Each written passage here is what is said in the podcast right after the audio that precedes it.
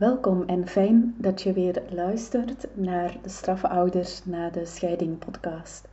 Mijn naam is Anne Brems en ik ben systemisch counselor in opleiding. In juni studeer ik af. Momenteel zitten we in de laatste eindspurt, de, het eindwerk. En in deze podcast, uh, die heb ik gemaakt, die ben ik gestart ongeveer anderhalf jaar geleden voor ouders in een complexe scheiding die graag meer rust willen in hun gezin.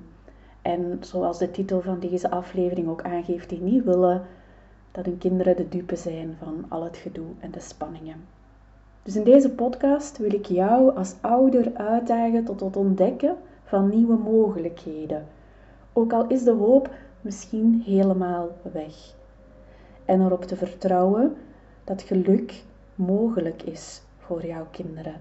En dat je met vertrouwen naar de toekomst kan kijken. Ik vertel wat je kan doen zodat je niet geleefd wordt door dat co-ouderschap dat onder hoogspanning staat. En dat is waarmee ik je in deze podcast wil inspireren en laten kennismaken in de wereld van welzijn in een complexe scheiding. Ik heb er naar uitgekeken om deze aflevering op te nemen. Ik had die oorspronkelijk gepland voor vrijdag. Normaal podcast ik niet zo vaak op een week. Verschijnt er gewoon een aflevering iedere week. Maar ik werd donderdag uitgenodigd om iedere dag een podcast op te nemen. En ik merkte, vrijdag had ik dus opleiding op de Interactieacademie. Mijn hoofd zat zo vol en ik dacht, ja, ik heb al wel ideeën voor deze aflevering, maar ik merkte, ik moet ze toch nog even laten bezinken. Dus ik laat dat ook wel wat borrelen en dan komt het. En dus vandaar dat ik nu uh, op deze zonnige zondag uh, deze aflevering voor jou uh, opneem. En het met jou dus wil hebben over het thema je kinderen, je wil niet dat je kinderen de dupe zijn van een complexe scheiding. En waarom spreek ik dan jou als ouder? Ja? Waarom maak ik dan geen podcast voor kinderen? Waarom spreek ik jou als ouder? Ja, daar wil ik enkele gedachten over delen, over hoe dat, dat gegroeid is bij mij de voorbije jaren. En daar komen we meteen ook bij de derde pijler van Glinster, en dat is hoe je kinderen steunen. Hoe spreken met jouw kinderen? Als je denkt, huh, de derde pijler, wat zijn die eerste twee pijlers? Ga dan zeker ook even terug naar de muur opbouwen. Dat is aflevering 59. En dan de andere aflevering daarvoor, investeren in jouw gezondheid. Dat is de eerste pijler bij Glinster. Dus vandaag zitten we aan de derde pijler. En dat is hoe je kinderen steunen, hoe spreken met jouw kinderen.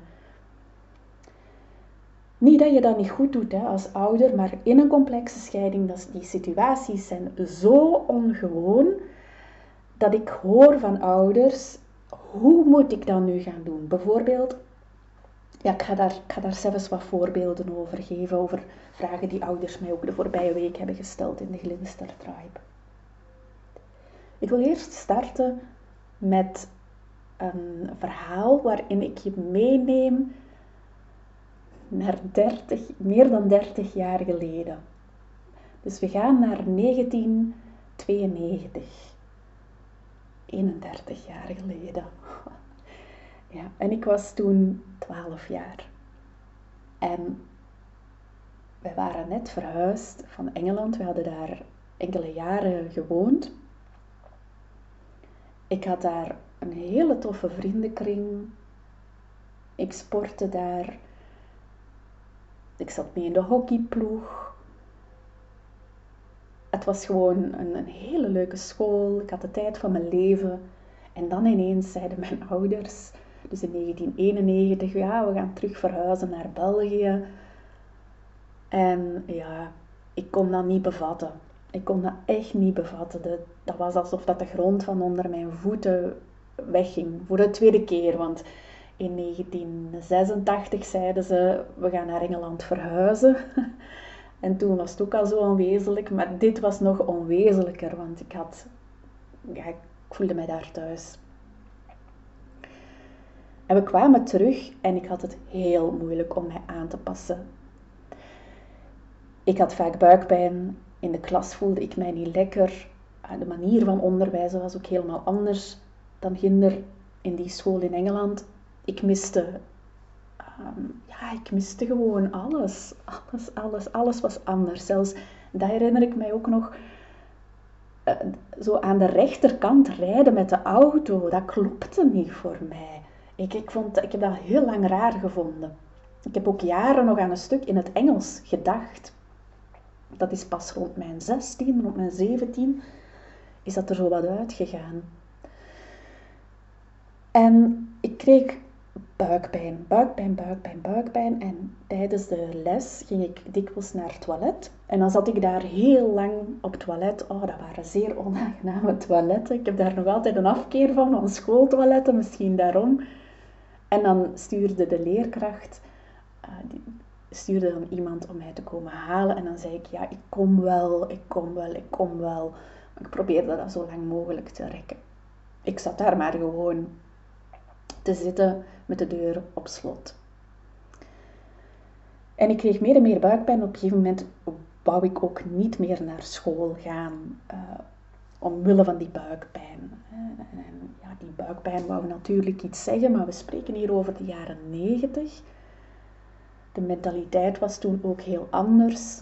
Je moest naar school. Er waren ook nog niet zoveel mogelijkheden van kinderen die ziek waren. Want ik ben weken aan een stuk, heb ik dus met buikpijn thuis gezeten. Tot op een gegeven moment dat ze zeiden ook, ja, je moet naar school, je moet. Je moet. Er was geen optie toen. En mijn moeder voelde zich ook heel machteloos toen. En ze wist ook niet wat doen. Dus ze luisterde ook naar de school en de leerkrachten die zeiden: Je moet haar dwingen. Je moet haar dwingen om naar school te gaan. En ze hebben mij dus ook gedwongen. Ik, dat moment herinner ik mij ook nog heel goed dat ik in de auto um, zat, vlak aan de schoolpoort. En uh, ik wou niet uit de auto.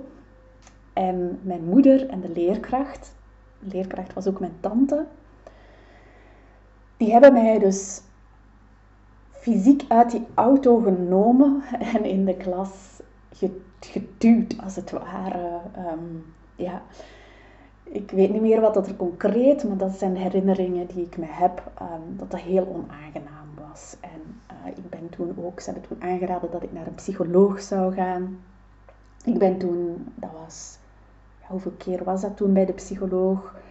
Was een vast aantal sessies en op het einde zei die psycholoog, uh, ja, er is niks mis met jou, alles is oké. En die stuurde mij terug, maar het zat niet goed. waarom niet? Ik zat met angsten. Angsten, angsten, angsten.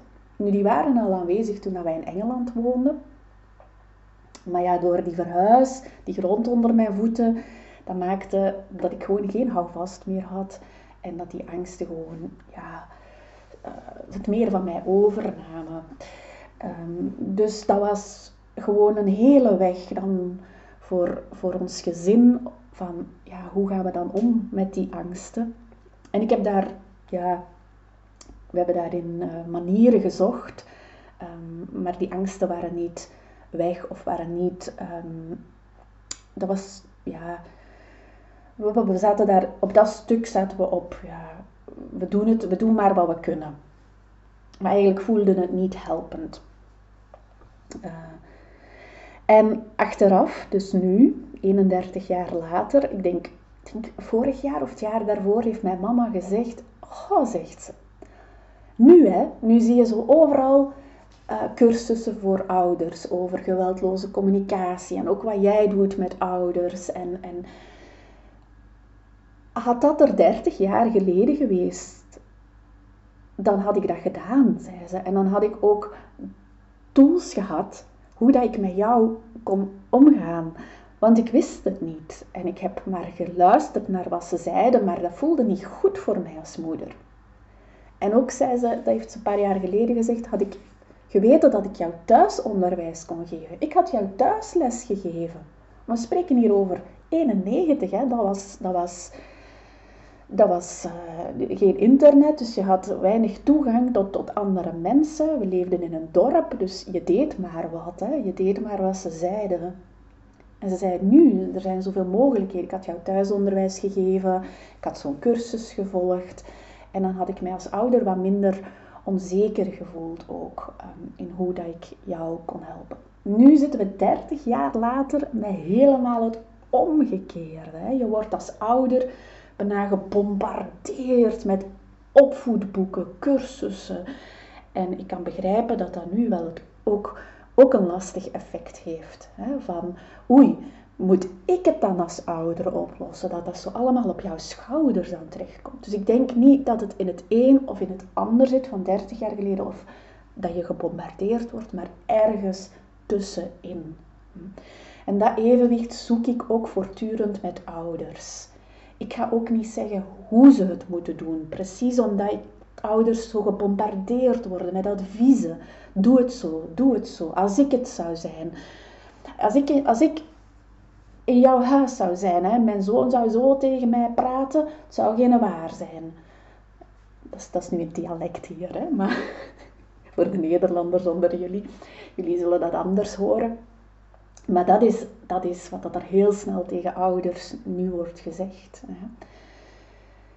Ehm, en anderzijds ook dat je als ouder ook niet voelt van, oei, er komt hier geen gehoor. Ehm, ik wil mijn kind naar de therapie sturen, maar dan de therapeut stopt ermee. En, en ik voel mij, wat kan ik dan precies doen als ouder? En ik geloof dat het A daar ergens tussenin zit. En toen ik startte ook bij Lieve Cotin, in het begin zei ze over mijn logo, uh, anders staat zo'n springend meisje in jouw logo. En uh, ja, de symboliek daarachter is veerkracht. Ja, dus als je iets, um, als je een tegenslag of een moeilijkheid tegenkomt in jouw leven, hoe kan je daar terug uitspringen? En uh, de eerste keren ga je misschien heel traag eruit springen, maar naarmate dat het leven vordert, heb je daar meer ervaringen in die veerkracht. En um, dat is ook mijn missie met Glinster, om de veerkracht van kinderen, de weerbaarheid, om daarin te investeren. En nog altijd. Maar ze zei toen aan, um, ik denk dat dat de allereerste keer was. Als je parallel ouderschap gaat doen, ga je er voor de ouders zijn. En niet voor de kinderen. Allee, wel voor de kinderen, maar je moet niet vanuit het kind gaan praten, maar vanuit de ouder gaan praten. Dat klinkt misschien heel raar. Maar ik vond dat toen ook heel raar wat ze zei. Ik dacht, ja, maar doe dat toch voor de kinderen, natuurlijk. Je wil niet dat de kinderen de dupe zijn daarvan, toch? En nu, jaren later, en ik denk dat mijn volgende casus die ik bij haar in supervisie ga brengen, ga ik rond dit aspect ook brengen. Ik merk gewoon dat ik een liefde heb voor ouderbegeleiding. En echt ouders, ik heb daar, ik heb daar zoveel ontzag voor, voor wat dat zij doen. En hoe dat zij ploeteren en volhouden en zoeken voor hun kinderen. Ja, mijn liefde is nu voor ouders en onrechtstreeks werk ik ook met de kinderen. Ik werk er natuurlijk voor dat de kinderen weerbaar en veerkrachtig kunnen zijn en, en dat ze niet de dupe zijn van die complexe scheiding. Dus onrechtstreeks hè, um, doe ik dat. Ik doe dat door met één ouder te spreken. En ik heb gewoon ervaren de voorbije jaren dat ik daar het meest, het meest kan betekenen voor kinderen. Kinderen worden in een complexe scheiding heel snel naar een psycholoog gestuurd, naar een kinderpsycholoog, naar een kindertherapeut. Ik zeg niet dat dat slecht is en ik zeg niet dat dat niet nodig is, maar um, er, zit, er zit heel wat complexiteit in. Hè. Ik ga dat nooit allemaal in één aflevering kunnen brengen. Maar ik heb gemerkt dat wanneer ik met kinderen en tieners werk in de praktijk, want dat doe ik ook, dat dat echt wel um, moeilijker is. Uh, omdat je dan um, mee in het conflict ook zit als kinderpsycholoog. En ik hoor dat ook regelmatig dan van, van psychologen die dan moeten stoppen met een therapie omdat een van de ouders niet meer akkoord is of op zijn tenen getrapt of geen informatie krijgt. Dus je zit in, als, als kindertherapeut, zit je mee in dat conflict, mee in dat speelveld. En als ouderbegeleider minder. En alles wat ik dan doe en spreek met kinderen, geef ik mee aan ouders. En ouders doen dat met hun kinderen en die relatie die versterkt met hun kind. Ouders die dit doen, de relatie wordt sterker, meer vertrouwen. Ehm, hoe moet ik dat zeggen? Ouders hebben dan meer vertrouwen dat de kinderen wel zullen spreken en dat er in die relatie dingen gebeuren waardoor er terug vertrouwen is dat de kinderen niet te dupe zijn. En dat is zo'n prachtig werk. Ja, ik heb daar echt liefde voor gekregen. Um, wat wou ik daar nog over zeggen? Ja, dus uh, bijvoorbeeld een ouder uh, vroeg in de, in de Glinster Tribe de voorbije week aan. Ik heb jou ergens uh, in een van de workshops of podcasts horen spreken over verontrustend ouderschap. Hoe doe ik dat dan als mama als ik denk dat er bepaalde verontrustingen zijn in het andere gezin? Um, dus dat is dan een vraag hè, waar ik dan heel graag mee aan de slag ga, dan met deze ouder. Uh, en waar dat hij zelf ook al aan de slag is gegaan, aan het zoeken. Hoe kan ik dan spreken met mijn kind? Ja? Op een manier dat mijn kind helpt. Dat mijn kind daar uh, goed uitkomt. Uh, of goed doorgeraakt. Hè? Of dat de stem van mijn kind daarin gehoord wordt. Ja? En um, dan help ik dan ouders zoals deze ouders spreken met hun kind, um, zodat het kind ja, daar niet aan ten onder gaat of niet uh, het slachtoffer uh, daarvan is. Een ander voorbeeld van een vraag die ik onlangs ook kreeg uh, van een ouder is: Mijn kind wordt ingezet in de strijd door de andere ouder en die wordt van alles er wordt van alles in beïnvloed en gesproken, echt kwaad over mij. Nu wordt hij ingezet in de strijd. En ik spreek daar niet over met mijn kind. Ik spreek daar niet over, want ik wil mijn kind daar niet mee belasten. Ik wil mijn kind daar niet mee uh, nog moeilijker maken. En ik merk gewoon als ik erover zou spreken, het zou ontploffen. Ja, dus ik verzwijg daarover. Maar ik merk dus dat mijn kind, dat die relatie tussen mijn kind en mij, dat dat echt onder druk staat op dit moment. Er gebeuren dingen in huis um, dit, waar ik liever niet over wil praten. Maar ja, het zit niet goed eigenlijk. Dan help ik ouders zoals deze ouder om te spreken met hun kind over wat dat er gaande is. Op een bepaalde manier, hè, want je mag kinderen niet belasten met de emotionele aspecten van de strijd en, en de strijd op zich. Um, maar ik help dan de ouder zodat het kind mee uit die strijdzone kan komen of daar, daar kan over reflecteren. Want de reflectie is antigif voor de strijd. En kinderen die ingezet worden in de strijd, die kunnen niet meer reflecteren. Hè. Die zitten mee in die emotie. Um, en die emotie neemt het over. Dus ik help ouders dan om met hun kind de reflectie te verhogen en de emotie uh, te verlagen. En ja, ik doe dat, ik leid ouders daardoor, door dan heel concrete situaties met hen te onderzoeken, te luisteren.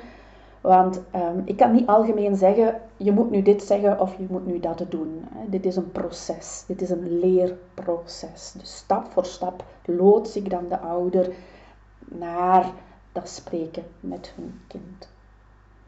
En dat is precies ook, en ik hoop dat dat ook met deze podcast overkomt, uh, dat ik ergens iets raak. Omdat ik merk heel veel ouders uh, die, die mij aanspreken, die um, ja, twijfelen van wil ik wel met aan samenwerken, die hebben al wel wat gelezen over parallel ouderschap, over complexe scheiding. En ze weten wel wat.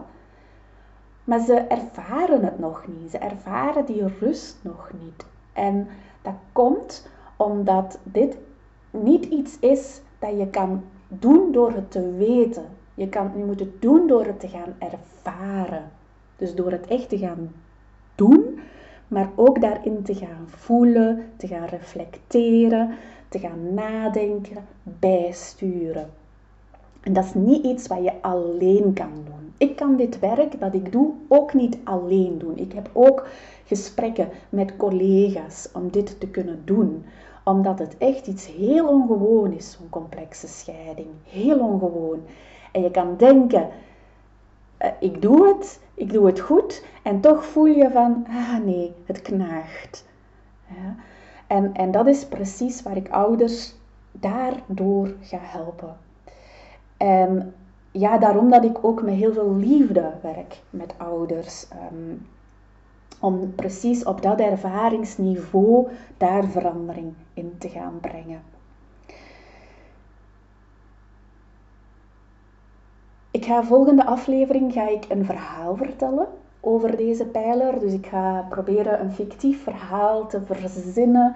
Ehm, waarin ik precies ook ehm, duidelijk maak waarom die derde pijler, hè, spreken met je kinderen, je kinderen ondersteunen, uh, wat daarin precies zo belangrijk is, zodat je dat kan ervaren door een verhaal.